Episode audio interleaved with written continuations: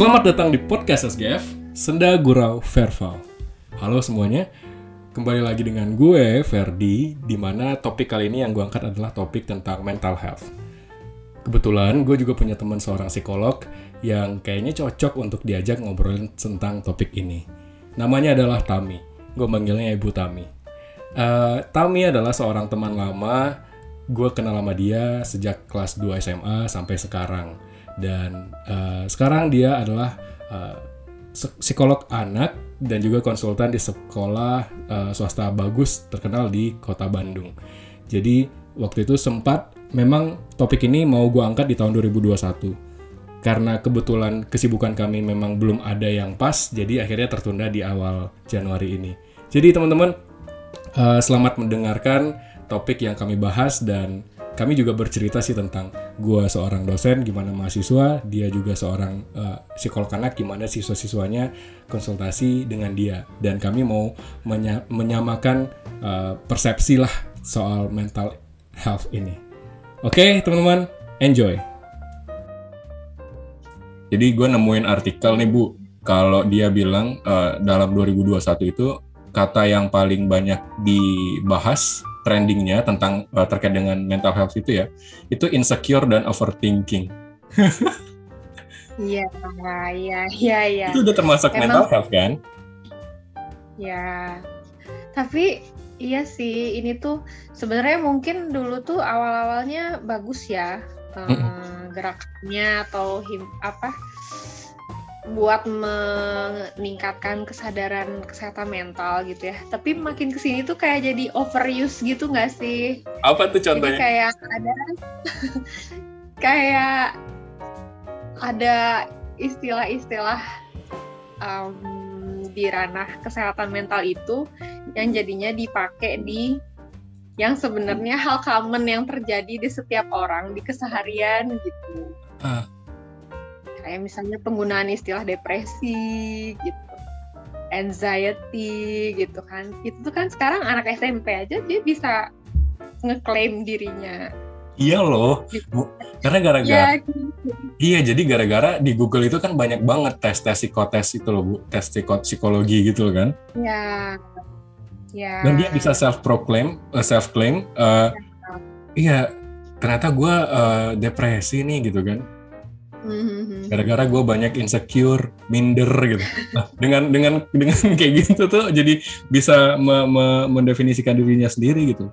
Ini kan banyak nih, kan kalau di iya. Twitter itu banyak yang uh, bisa diambil kan. Kita klik misalnya kata-kata insecure, terus orang-orang pada nge-tweet gini, udah nyoba nggak insecure tiap malam, tapi ya mulut manusia aja gitu yang bikin sakit hati, kepikiran terus katanya gitu terus kayak kayak gitu ya. Pokoknya ber, ber, ber, berkonotasi negatif lah gitu ya. Sama sama overthinking. Overthinking. Terus uh, dari overthinking itu iya jadi kalau yang uh, insecure nih persentasenya ya uh, 2.700 orang yang nge-tweet itu gendernya cowok 1100-nya hmm. perempuan. Berarti kan cowok lebih banyak insecure berarti ya nge-tweetnya. dari terus Itu kalau yang dari mana Dari ini, dari uh, dari artikelnya Netry, netry.id tentang mental health uh, yang dibahas di Twitter gitu loh.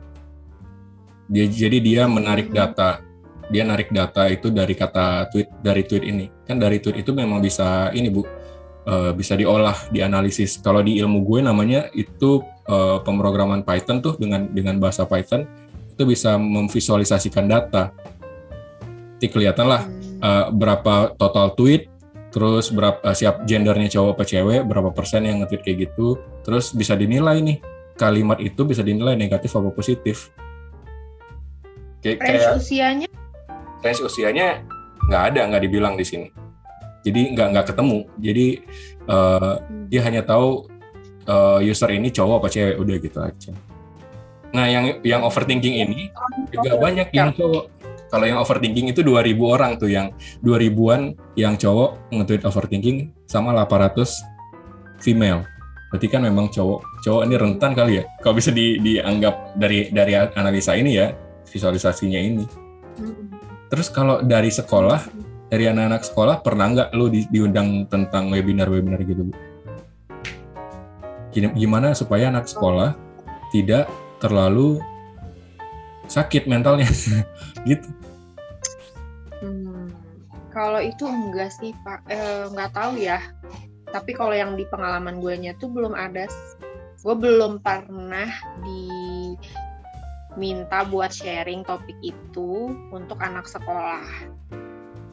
Eh, tapi kalau tanpa sesi seminar gitu, biasanya kalau lagi ada anak-anak yang konsul sama gue, Hmm. di usia remaja tuh mereka familiar sama yang kayak kayak gitu yang mana orang tuanya sendiri tuh eh belum se familiar mereka dengan istilah-istilah itu Jadi mereka kalau anak Heeh. Mereka datang ke lu tanpa orang tuanya tahu gitu.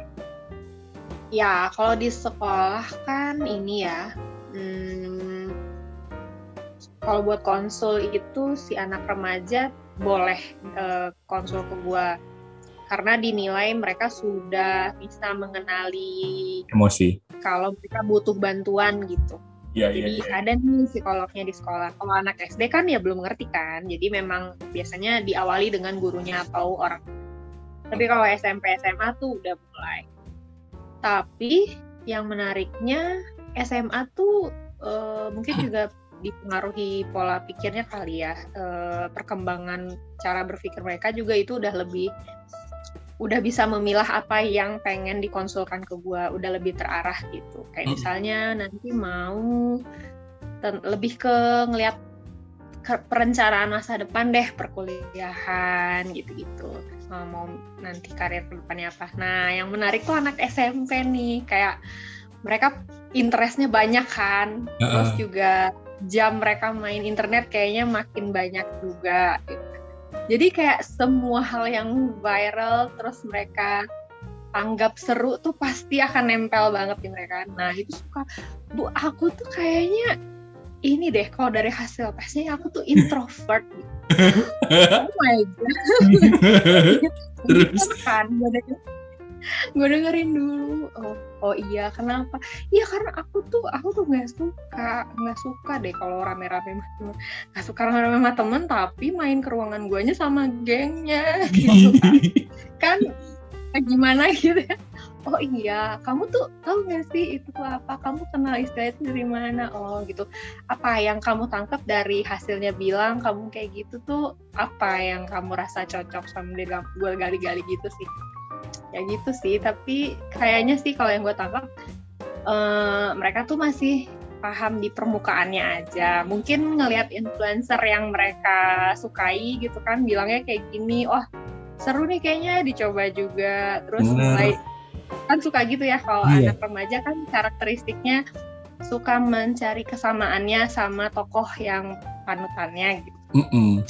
masih kayak gitu sih Tapi kalau gue cek-cek banget belum Hah? ad- belum insya Allah sih belum ada yang sampai bener-bener yang kasus klinis gimana gitu maksudnya klinis yang eh, kira-kira udah udah entah beneran anxiety entah beneran depresi gitu mah oh gitu. Tapi perbedaan antara eh, remaja sama eh, eh remaja SMP sama remaja SMA itu top isunya apa?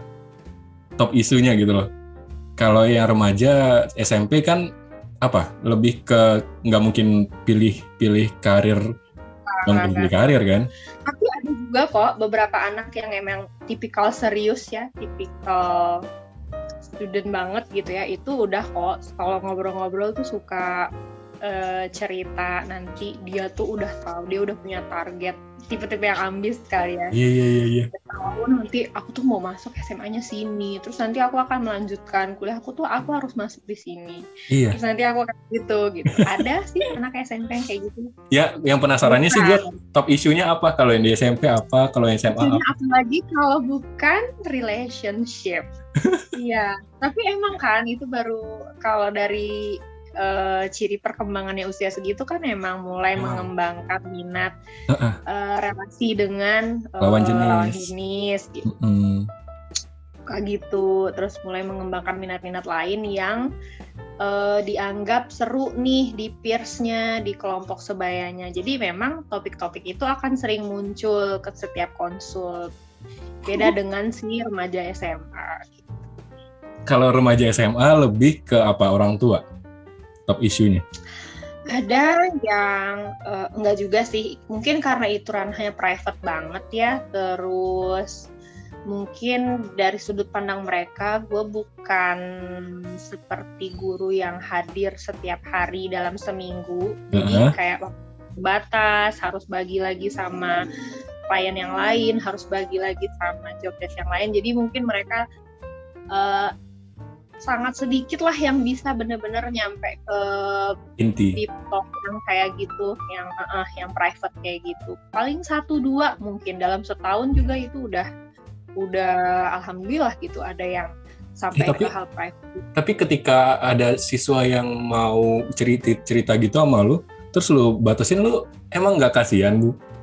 Maaf ya waktu sudah habis gitu Oh enggak enggak. Kalau di sekolah gue nggak sesaklek itu sih karena oh. settingnya uh, lebih ya apa ya le lebih apa ya child friendly apa sih gitu kan. Lebih bersahabat. Kalau di klinik ya harus gitu kan. Kalau uh -huh. di klinik kan emang gitu.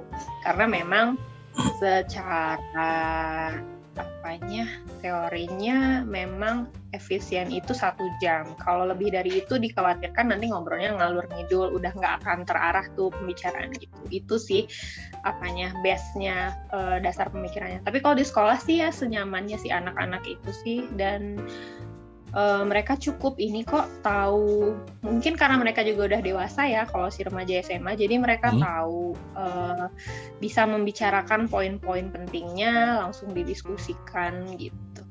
Kalau Bu, kalau lu sendiri sebagai dos dosen lagi sebagai psikolog sekolah ya, lu sendiri nggak pernah merasa mental health lu, mental kesehatan mental lu terganggu Bu? Apa lu bisa bisa overcome sendiri? Penasaran gue sama psikolog-psikolog ini. ya enggak lah. Psikolog kan juga manusia ya. Tapi ada kok fasenya kok. Hmm, kalau gue sih mungkin karena basicnya pencemas juga, jadi ya uh, sebetulnya bisa di maintain ketika gue bisa mengontrol hal-hal yang membuat gue cemas. Artinya kan ada hal yang perlu gue lakukan adalah preparation. Kayak gini nih podcast aja kan gue berapa kali nanya sama lu kan emang kita mau ngomongin apa emang topiknya apa gitu kan itu tuh bagian dari kecemasan gue aja. Pakaian aja lu tanya ini. ya apaan sih lu ini cuma ngobrol doang gitu kan tapi buat yang cemas kayak gue itu akan jadi sesuatu yang akan menyita perhatian gue gitu nggak hmm. bisa dengan easy going aja gitu dengan santai aja hmm. nggak nah Uh, jadi sebetulnya itu oke okay sih bisa di maintain, nggak kayaknya nggak mungkin hilang tapi bisa di maintain. Cuman itu akan jadi sulit ketika kayak kemarin nih baru-baru kita peralihan ada dua nggak WFH total kan, udah mulai offline dan online berbarengan. Itu kan eh, nggak uh, tahu ya apakah orang lain juga mengalaminya. Tapi kalau gue kan jadi kayak numpuk gitu si kerjaannya karena ada offline numpuk. dan online. Iya kan, jadi kayak schedule-nya itu jadi gue kayak nggak punya waktu untuk hmm, melakukan si persiapan yang gue butuhkan itu karena jugglingnya mesti cepet gitu hmm. kamu harus ngerti ini ada ini lagi ini ada juga udah nunggu ada deadline ini jadi kayak ah kayak hmm. susah ngambil jedanya nah paling yang kayak kayak gitu tuh yang buat gue jadinya sulit gitu. ya itu deh yang yang mungkin itu ya kali ya fase gue yang paling kayaknya kok gue jadinya butuh psikolog ya. Terus terus? Tapi enggak tapi enggak sampai? Nah itu lagi itulah dia kalau karena gue pencemas kan oke okay, I know I need a psychologist gitu kan tapi yeah. gue pasti mikir lagi ke siapa ya? Kalau di Bandung kan kayak tahu sama tahu kan ini sih ini beliau adalah ini, ini beliau adalah ini, apakah beliau over gue adalah mahasiswanya apa gini-gini. Itu kan jadinya terus aja di pikiran kan jadinya overthinking lah. iya. Tapi gue tuh nggak mau uh, nge-label. Mungkin karena udah terlalu rame di internet kali ya. Jadi gue tuh geli kalau nge-label overthinking. Oh iya berarti salah dong gue deh apaan sih enggak itu lu cuma perlu mengurai apa yang ada di otak lu gue selalu kayak gitu kayak gitu aja kan oke oke oke. untung banget tuh uh, Randy tuh ini banget ngedampingin gue banget tuh dia ada banget. Gitu. oh karena dia S1-nya juga basic psikologi ya yes nah terus juga mungkin karena basicnya temen ya jadi mm -hmm. kayak emang udah kenal banget gue kan jadi iya. dia he knows how to handle me gitu loh. Yeah, jadi yeah, itu yeah. sangat membantu. Kalau gue lagi burn out banget, dia nyuruh gue main lah, istirahat lah. Kalau gue lagi pengen nangis tanpa sebab, ya dia ada nemenin gue gitu. Jadi itu sangat-sangat menolong sih sebetulnya. Keren, keren, keren. Berarti me memiliki suami yang uh, ber, eh dia juga psikologi juga berarti kan kerjanya sekarang? Eh, psikologi uh, perusahaan ya? berkaitan sih enggak enggak itu udah enggak lagi sejak nikah tuh dia udah di udah masuk instansi pemerintahan lah gitu. Kalau berarti menurut menurut gue nih berarti orang psikolog psikolog nih uh, para psikolog ini punya kesadaran akan diri sendiri itu lebih lebih lebih tinggi ya kesadarannya terhadap masalah dia sendiri itu lebih tinggi daripada orang biasa ya ya nggak sih Soalnya dia udah bisa aja gitu. Mungkin ya, balik lagi ke orangnya ya. Mungkin kalau Pak itu kayaknya hmm? tergantung banyak hal yang mempengaruhi sih Pak. Kayak balik lagi ke orangnya, apakah dia emang uh, tipikal yang lebih ngelihat ke dalam. Kalau ada masalah kan orang beda-beda kan. Ada yang Tuh. Dia nyari dulu ke lingkungan kan. Apa sih yang salah? Kenapa sih orang lain kayak gini? Ada orang yang emang tipikalnya ngelihatnya ke dalam. Terus ada lagi dipengaruhi lagi sama lingkungannya, entah lingkungan keluarga kayak orang tua, keluarga besar, atau mungkin ya sudah menikah pasangannya gimana gitu kan. Kayaknya itu ngaruh banget sih Pak. Ada juga kok psikolog yang mungkin nggak tahu juga dia sebenarnya ada masalah.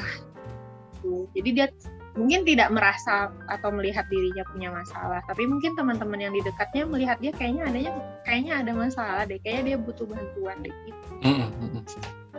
gue ya kalau gue nggak ketemu sama video Great Mind itu di channel Great Mind mungkin gue nggak tahu uh, akar permasalahan itu adalah di masa lalu gue di masa kecil kita gitu loh.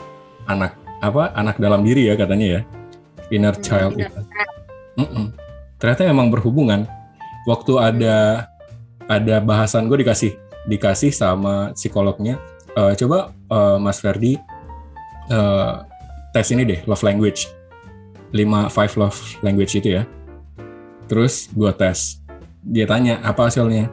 Uh, hasilnya adalah love language yang pertama adalah si uh, apa physical touch. Yang kedua quality time. Itu yang paling tinggi besarnya gitu. Yang lain-lainnya yang paling sedikit itu adalah receiving gift. gitu. Terus uh, dikasih lagi artikel ternyata uh, eh tapi bukan bukan dia ding yang ngasih artikel gue demunya di Twitter juga. Jadi uh, artikel tuh ngasih tahu kalau love language up, apa uh, persentase terbesar di love language lo itu adalah uh, apa yang lo nggak dapetin ketika masih kecil. Bener nggak sih gitu bu? Hah? Jadi kalau gue nih quality time oh, iya. misalnya nomor dua jadi quality time atau physical touch. Nah, dua itu tuh yang memang nggak pernah, yang kurang banget kita dapetin waktu inner child, waktu kita kecil.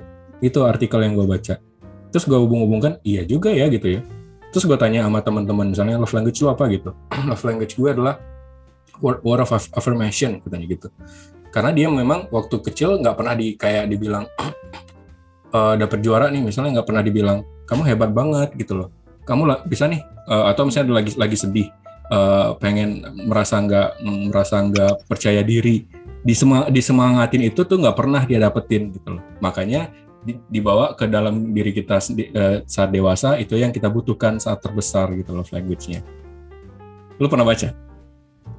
Uh, gue belum pernah baca penelitiannya yang terkait itu ya pak ya. Karena kan kayaknya uh, si love language ini baru-baru naik uh, sekarang ya kalau mm -hmm. dulu sih semasa gua kuliah tuh nggak ada tuh entahlah dia mungkin masuknya kategori psikologi populer gitu ya Hmm. Kan? Hmm. jadi bukan yang masuk yang apa bukan yang teoritik atau yang itu eh, tapi kalau misalnya kan tadi lu bilang masuk akal. Tapi kalau misalnya kayak gini juga masuk akal bukan? Karena Apa dia udah terbiasa tumbuh dengan cara seperti itu physical touch mungkin ya.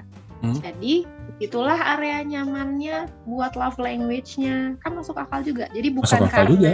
kekurangan di situ tapi karena dia udah terbiasa tumbuh dengan cara seperti itu berarti eh, sampai tertanam ke alam bawah sadarnya bahwa memang bentuk kasih sayang tuh ya seperti itu gitu. Bisa juga Hmm. kan? bisa juga masuk akal juga bu. Bener bener bener Hmm. bener bener kayak misalnya eh gue adalah tipikal orang yang kalau makan makan misalnya eh, ma- kita pergi makan nih pasti gue paling paling eh, peka nggak mau ngeliat handphone gue mau menikmati makan dan dengan lawan bicara gue gitu loh. Nah itu kan quality time. Hmm. karena gue memang menyukai hal itu tapi kalau dibawa-bawa gitu ya karena eh, di keluarga gue adalah eh, apa yang kurang lengkap gitu ya eh, Hmm. bisa masuk akal juga. Gue nggak pernah makan bareng-bareng di meja makan gitu loh. Gue nggak pernah ngobrol ngobrol lama sambil makan gitu loh sambil bertukar kamu ngapain aja seharian ini? gitu. Atau kalau zaman zaman eh, kecil eh, PR-nya gimana? Dapat berapa? Kayak gitu tuh nggak pernah. Makanya gue haus akan hal itu saat, saat ini di, di saat dewasa ini gitu loh. Makanya ketika gue dewasa ngumpul ngumpul sama teman handphone tuh pasti gue simpen di sesekali lah ngeliat handphone kalau ada yang getar penting banget. Kalau enggak gue masukin lagi ke saku gitu. Kalau lagi sama apa namanya mama makan siang makan malam ya gue beneran makan malam aja gitu sama mama gitu. Gitu. Kalau lo udah pernah tes love language itu itu kalau nggak salah gue dari lu kan linknya pak buat iya iya iya. Oh dari dari gue ya? Apa? Yang Nah, persentase ter- terbesar lo apa? terbesarnya tuh ini apa yang act of service. Act of service. Iya iya iya. Apa sih? Lupa gue act of, service itu. Ya kalau lu di kalau lu dibantuin. Ah iya iya iya. Heeh. lu malah jadi lebih berani gitu ya? Lebih oh Iya. itu act of service ya ya lupa. Act of service yang paling kayaknya nomor 4 deh. 4 Oh, malah yang kecil ya? 4 kayaknya. Yang paling kecil apa bu? Word of affirmation. Yang paling kecil tuh word of affirmation. Hmm, beda banget ya. Kita beda banget ya tapi kalau cewek nggak nggak ini nggak nggak lebih ke receiving gift ya ya itu kan ya ya nggak tahu ya. Emang cewek banyaknya hasilnya gitu ya? Ya bisa jadi gitu. Dia senang Kayaknya- menerima gift Iya makanya kayaknya ini deh. Kalau gue sih ngelihatnya tapi nggak tahu ya baru ngelihat dari pengalaman gue sama adek gue. Gue sama adek gue tuh beda tipis eh, Hmm. tapi sama-sama dominannya act of service. Jadi gue sih nariknya apa? Karena memang pola asuh kita dari kecil gitu ya. Terus dengan lingkungan kita bertumbuh. Jadi eh, nggak heran juga kalau misalnya love language-nya pun sama gitu karena background-nya juga sama gitu. Gue mikirnya gitu kayaknya. Oh berarti lu eh, nggak ini ya nggak kayak yang gue baca di artikel itu ya? Apa yang kita kurang saat kecil itu yang kita itu yang paling besar itu berarti nggak cocok di lu ya. Iya gitu. enggak. Karena iya nomor duanya kayak lu quality time. Quality time. Tapi memang kalau dibalik lagi ke kayak yang lu bilang tadi tuh selalu emang gue tuh ngerasa dibantu gue tuh ngerasa disayang banget tuh kalau emang disupport dibantuin gitu dilayanin. Hmm. terus quality time kayak yang lu bilang. Karena gue biasa eh, kayaknya kalau mau diinin gue tuh deket banget sama ayah gue kan. Jadi itu sering banget ada quality time ngobrol. Dari kecil tuh udah diajak ngobrol gitu. Jadi buat gue tuh yang kayak gitu tuh oh gue ngerasa disayang ngerasa diperhatikan ngerasa diprioritaskan. Keren. Tapi ya memang gue ngelihat ngelihat eh, lu kedekatan lu sama ayah yang benar-benar ini ya orang bilang itu ya anak perempuan tuh deketnya sama ayah gitu loh sama bapak. eh, kalau ngobrol ngobrolin pandemi ini bu, uh, apa ya yang yang harus bisa kita ambil pelajaran tentang ini kan ngomongin karena lu orang psikologi tentang pelajaran yang bisa kita ambil untuk supaya nggak sakit jiwa aja gitu loh bu. Apa sih yang sakit jiwa? Gue kadang-kadang kalau burn out bu kalau burn out misalnya kerjaan nih juga ada kerjaan uh, lagi numpuk dari dari senior juga ada dari fakultas juga ada gitu kan. Main gitar malam-malam gitu loh atau pergi ngopi atau apa. Tapi yang paling itu ya memang bernyanyi. Rilis rilis stres gue tuh dengan bernyanyi gitu loh. Abis itu lu tenang lagi? Tenang lagi. Tapi jadi jadi jadi kepikiran lagi kalau ada yang nge DM julid bu. Gue gitar malam-malam terus dapat aja DM gitu. Makanya nikah katanya gitu makanya nikah biar biar biar nggak ngegitar malam-malam gitu katanya. Bikin nggak ngerti nggak ngerti. Emang kalau udah nikah lu nggak akan kangen bergitar malam-malam? Nggak juga kan? Nggak juga. Kalau kalau kalau gue pikir dan tetap sambil main gitar malam-malam kan? Itu bukan pilihan. Itu bisa dilakukan keduanya. Ih nggak paham juga gue sama netizen. Kadang-kadang ya dibilang uh, main gitar malam-malam uh, makanya nikah gitu biar ada mungkin mungkin bagi dia biar ada yang uh, apa yang bisa dipeluk-peluk misalnya gitu. Biar bisa tidur cepat gitu kan. Kadang-kadang kan gue posting di instastory itu jam 10 malam ke atas main gitarnya gitu. Hmm. ya gue anggaplah dia peduli sama gue gitu bu. Tapi kadang gue ngelihat yang kayak gitu ya kan uh, itu juga jadi salah satu topik yang sering dibicarakan kan di sosmed kan. Tentang pertanyaan-pertanyaan sensitif tentang kenapa orang nggak peka suka nanya-nanya hal yang pribadi gitu. Menurut gue mungkin asal mulanya itu adalah emang orang yang emang um, peduli sama kehidupan temennya asalnya. Cuman karena uh, pertanyaan tersebut tiba-tiba jadi viral si pertanyaan itu tuh jadi kayak apa ya? Makin sensitif kayak, lah. Bukan sensitif sih menurut gue kayak orang jadi ikut-ikutan nanya gitu aja tanpa sebenarnya memang pengen menanyakan itu ngerti gak sih? Hmm. Kayak itu jadi bagian kayak jadi cuman, iseng doang. Iya, kayak uh, kapan nikah. Jadi sebenarnya bukan dia pengen offense kita atau gimana, tapi karena itu udah sering dibahas di internet jadi dia ikut-ikutan aja. Bahkan anak SMP pun bisa ngomong kayak gitu sekarang. Bisa banget masih so gue juga nanya kayak gitu.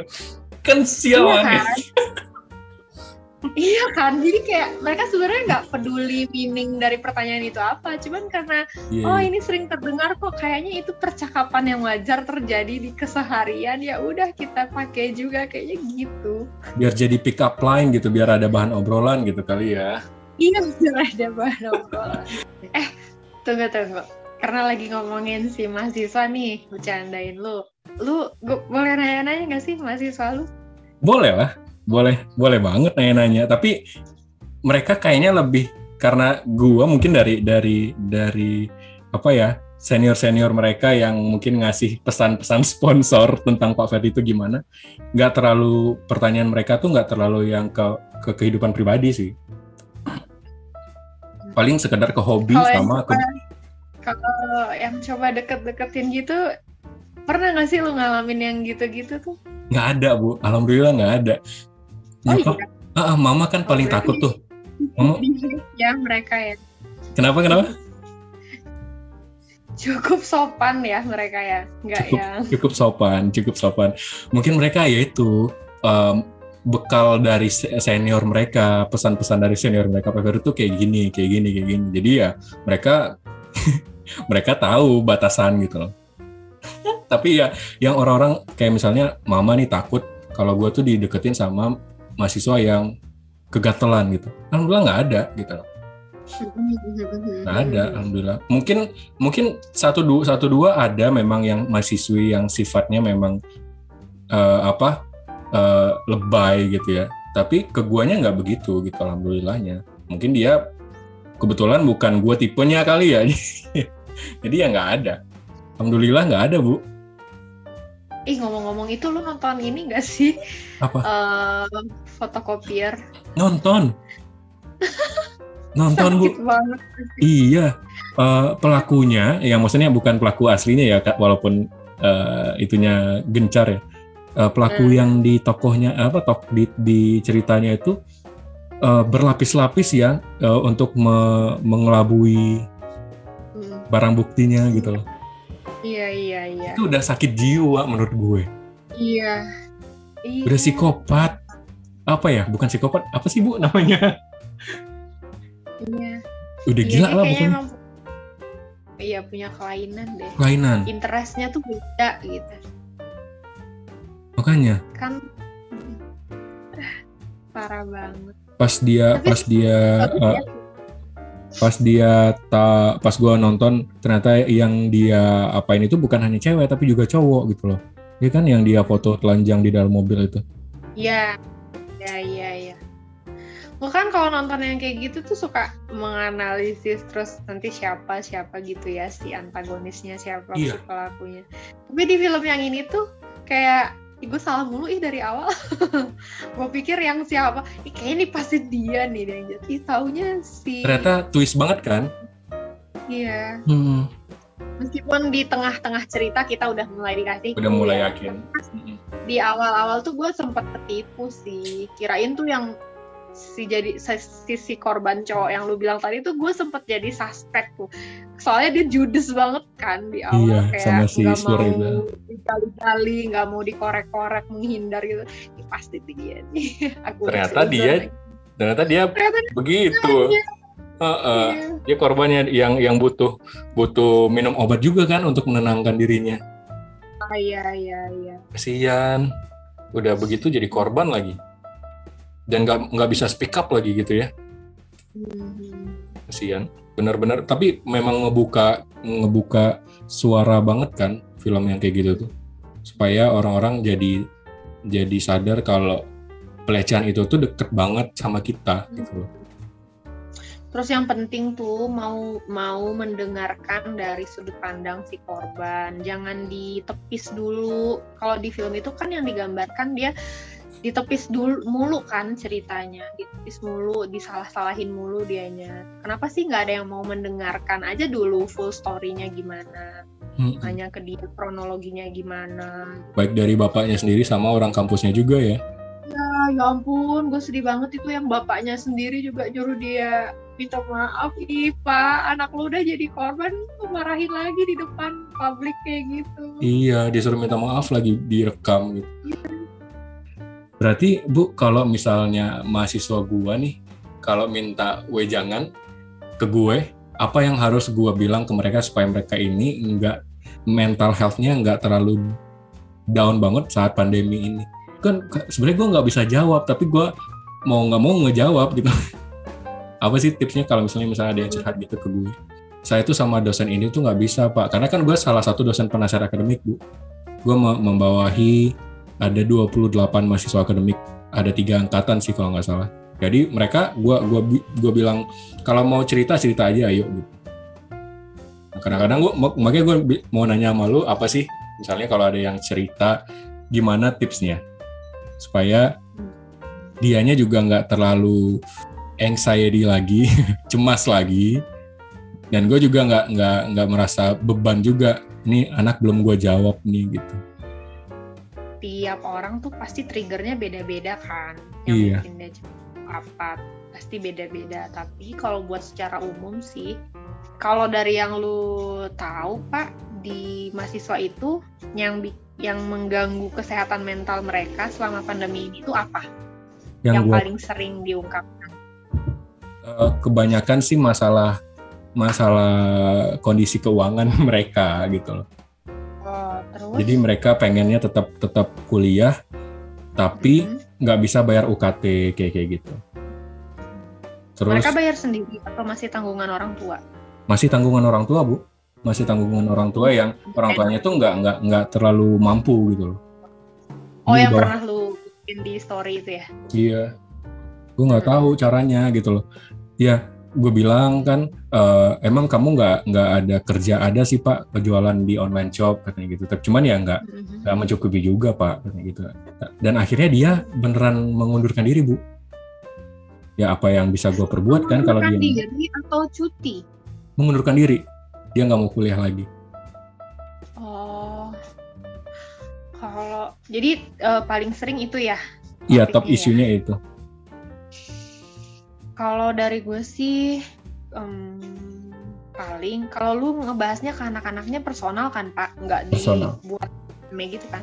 Enggak. Paling poin utamanya hmm, sebenarnya si kekhawatiran, kegelisahan, kecemasan itu kan sebetulnya akarnya bersumber dari sesuatu yang sifatnya belum terjadi. Yeah. Artinya kita concern sama hal-hal yang belum tentu terjadi. Nah, berarti yang bisa kita bantu itu mem, mm, ajak dia buat lihat lagi realita yang sekarang ada di dia terus ajak dia buat ngeliat apa nih yang bisa dia berdayakan dengan apa yang dia punya saat ini. Nah, itu emang kalau kita omongin gini sih kayaknya gampang ya. Gue pun secara ini secara common sense-nya secara knowledge-nya tau lah ya itu basicnya. Tapi gue paham ketika itu terjadi di gue gue pasti lupa itu semua kan. Itulah yeah. fungsinya. Randi ngingetin gue ke situ balik lagi nih itu tuh masih jauh nanti gitu dipikirinnya. Yang bisa dilakukan sekarang nih apa? gitu. Nah itu juga yang bisa lu lakukan buat mahasiswa lu apa nih sekarang? Nah bener salah satunya yang bisa lu tawarkan kayak ke yang lu bilang tadi lu uh, mahasiswanya ada kerja nggak? At least itu buat nambah-nambahin dia kan kalau misalnya dia eh, nggak uh, enak sama orang tuanya terus mungkin lu bisa bantu bilang ke mahasiswa lu. Hmm, coba tanyain dulu apakah dia masih tanggungan orang tua atau udah nyari sendiri. Kalau tanggungan orang tua seberapa seberapa jauh lu tahu tentang kondisi keuangan keluarga lu. Terus, apakah kekhawatiran lu wajar atau sebetulnya itu cuma perasaan gak enak lu karena hmm. perkuliahan nih nggak berjalan normal nih, sementara bayar kuliah tetap aja lanjut gitu kan. Hmm. Nah, kalau misalnya e, memungkinkan, coba suruh mereka ngobrol sama orang tuanya. Kalau misalnya orang tuanya bilang udah tenang aja masih bisa, lu bisa support anak e, mahasiswa lu buat dia percayain ke kemampuan orang tuanya gitu pak. Jadi dia nggak harus memikirkan apa yang belum perlu dia pikir. Ya yang dilakukan oleh itu, orang tuanya itu nggak perlu dia pikirin ya? iya itu yang itu yang salah satu hal yang bisa kita lakukan untuk memaintain si kekhawatiran kita tadi. Yang nggak hmm. perlu dipikirin ya udah di di di di filter dulu aja. Ya pasti nggak akan gampang langsung lupa gitu ya. Tapi secara paling nggak si otak kita tuh udah tahu secara sadar untuk memilah oh ini tuh nggak usah sekarang simpan hmm. dulu hmm. tapi beda cerita kalau si mahasiswa lu ceritanya iya orang tua saya juga udah bingung gitu nah itu balik lagi lu ngasih tips-tips apa nih langkah-langkah apa yang bisa mereka lakukan buat mengakali si keuangan itu apakah mungkin cari beasiswa apakah yeah. mungkin ikut lomba terkait dengan skill yang mereka punya pokoknya apa pun lah pemasukannya mm. uh, yang bisa mereka lakukan dengan uh, modal mereka sendiri dengan skill dengan uh, apa part time mungkin apa pun yang bisa mereka lakukan terus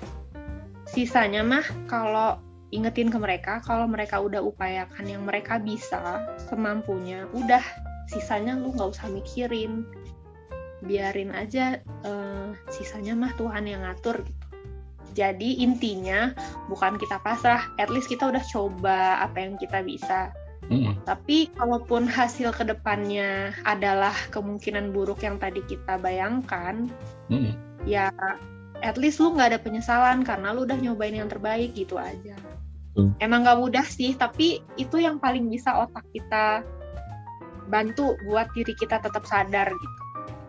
Kalau enggak mah, lu bakal ke mana-kemana gitu. Dan bakal pikiran-pikiran buruknya lah yang menguasai kita jadinya kan? Ya, ya.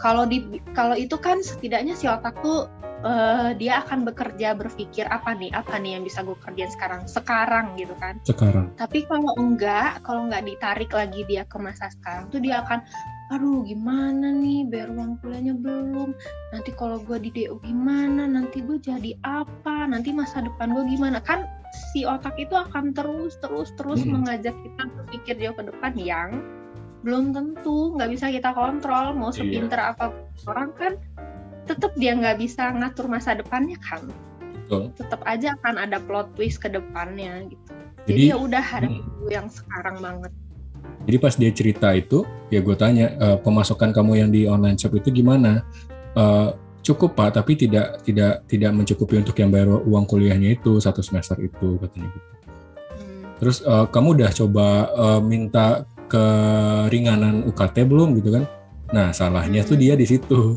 Dia melewati batas masa apa itu? Batas masa uh, keringanannya itu. Permohonan keringanannya itu dia melewatin itu. Uh, uh, gue coba bantulah ngomong ke uh, Kaprodi kan. Kaprodi uh, suruh gue ngubungin ke rektorat. Gue udah hubungin tuh ke wakil rektor satu apa dua gitu kalau nggak salah. Dikasih tahu tetap nggak bisa pak sistem udah tutup katanya gitu ini kan udah mulai udah mulai perkuliahan juga katanya uh, orang itu nih jadi oh jadi nggak bisa dibantu ya bu gitu kan nggak bisa pak maaf sekali katanya gitu kalau misalnya mahasiswanya bisa uh, waktu itu ikut di dalam masa keringanan itu pasti dia kami bantu. Karena ini nggak nggak satu dua orang pak yang yang minta keringanan itu ratusan. Dan itu semuanya kami kabulkan katanya gitu. Tergantung dengan ini. Ya udahlah dia udah melewatkan masanya uh, masa keringanan dan berarti kan itu memang ada salah juga dianya gitu.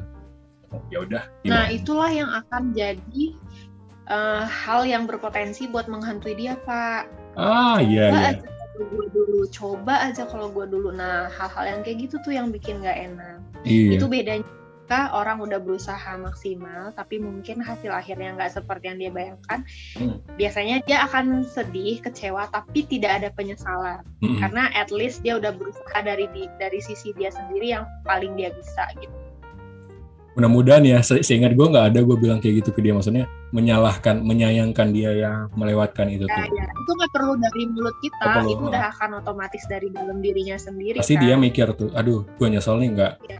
nggak ya. tahu gue yeah. waktu itu nanya gini kamu nggak nggak pernah nyari informasi tentang kiringan UKT nggak pernah pak ya udah gue diem aja abis itu berarti biar aja dia mikir sendiri gitu loh bu soalnya nggak kalau nggak gue tanya jadi nggak tahu juga uh, permasalahannya di mana gitu loh. Ya namanya juga anak-anak uh, angkatan pandemi ya bu. Belum pernah ke kampus. Beneran mereka ini kayak baru setahun jadi udah udah udah ini dia. Udah dia oh dia oh lagi udah mengundurkan diri gitu. Jadi dia nggak nggak nggak tahu info-info itu gara-gara pandemi katanya gitu.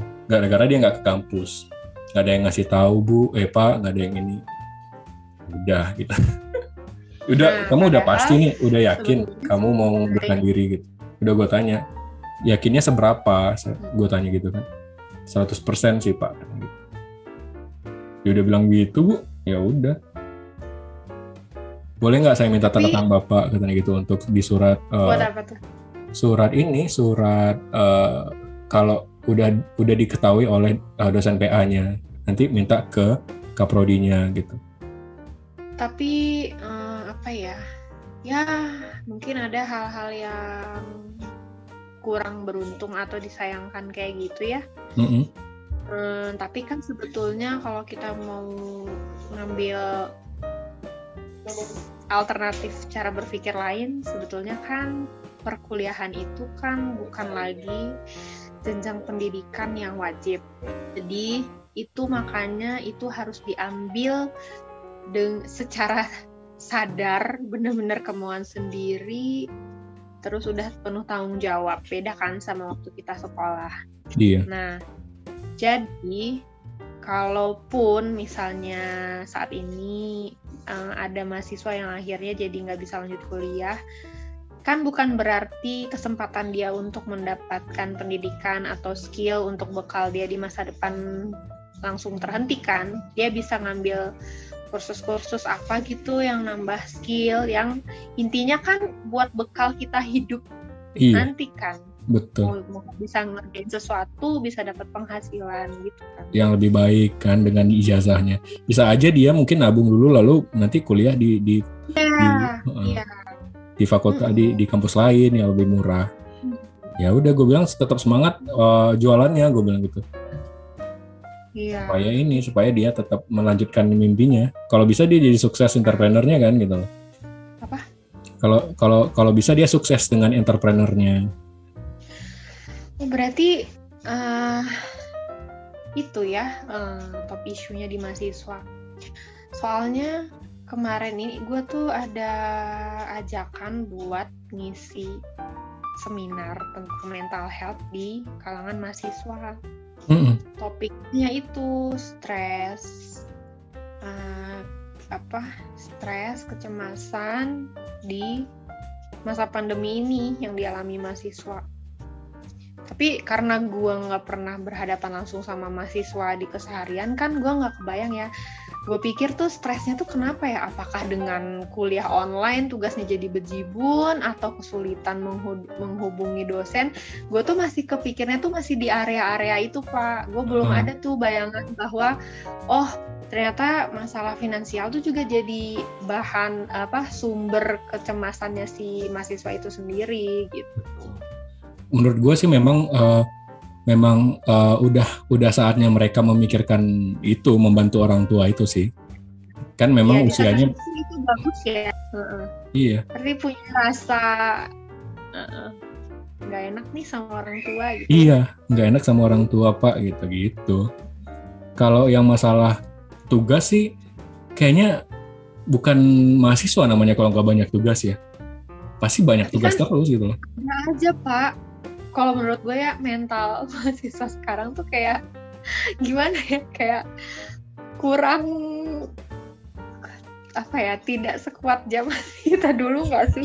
Kayak setuju. apa-apa dikeluhin. Jadi Setuju. gue mikirnya ke situ. Itu tuh kayaknya yang bikin mereka stres bisa gitu. Tadinya gue pikir.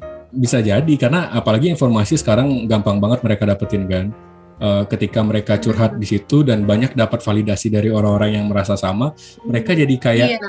tervalidasi ternyata gue nih stres loh gitu dengan tugas. Iya. Terus mereka langsung Iya. membuat statement gue benci sama dosen yang ngasih tugas banyak gitu. Iya bener.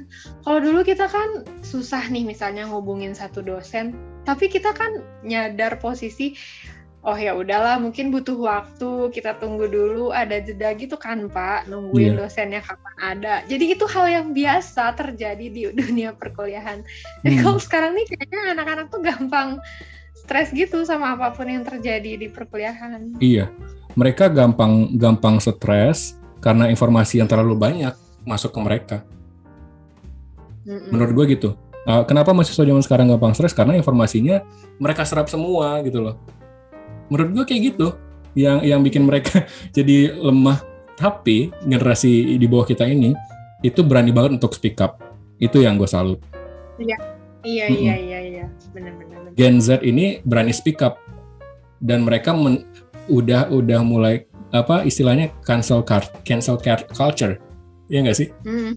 cancel apa cancel culture culture. Iya, jadi udah ada di mereka gitu loh.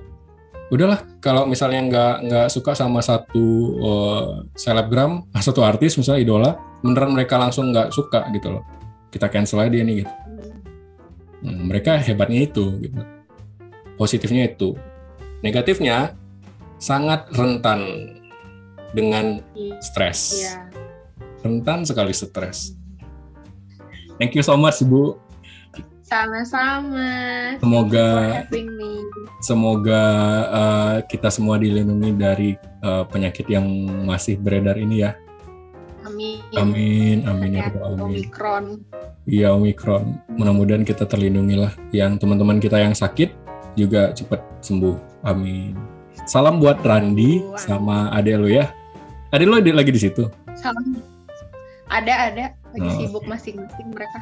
Salam Oh. buat kucing lu juga. Gita ya? Lagi main dia. Eh, lagi Gita namanya. Lagi main dia. Dia beneran jadi temen gua selama pandemi ini. At least lu nggak nggak ngobrol sama spirit doll kan pak? Kagak. Spirit doll. Ya Allah itu beneran deh. pusing banget mending mending pelihara hewan kalau gue ya memilih gitu jelas-jelas makhluk hidup gitu ya yang Makhluk mau dirawat iya jadi kita kita kita ada ada ininya ada rasa gemesnya gitu loh kalau nggak ngerti lah susah Kalau susah kalau mau makhluk hidup juga bisa kok pelihara aja Tamagotchi kata. no, why? Yalah, nanti kalau misalnya uh, gue main-main ke Bandung, gue sempetin uh, meet up sama lu ya Bu ya. Oke. Terima kasih sudah mendengarkan podcast SGF. Sampai ketemu di episode berikutnya. Have a nice day.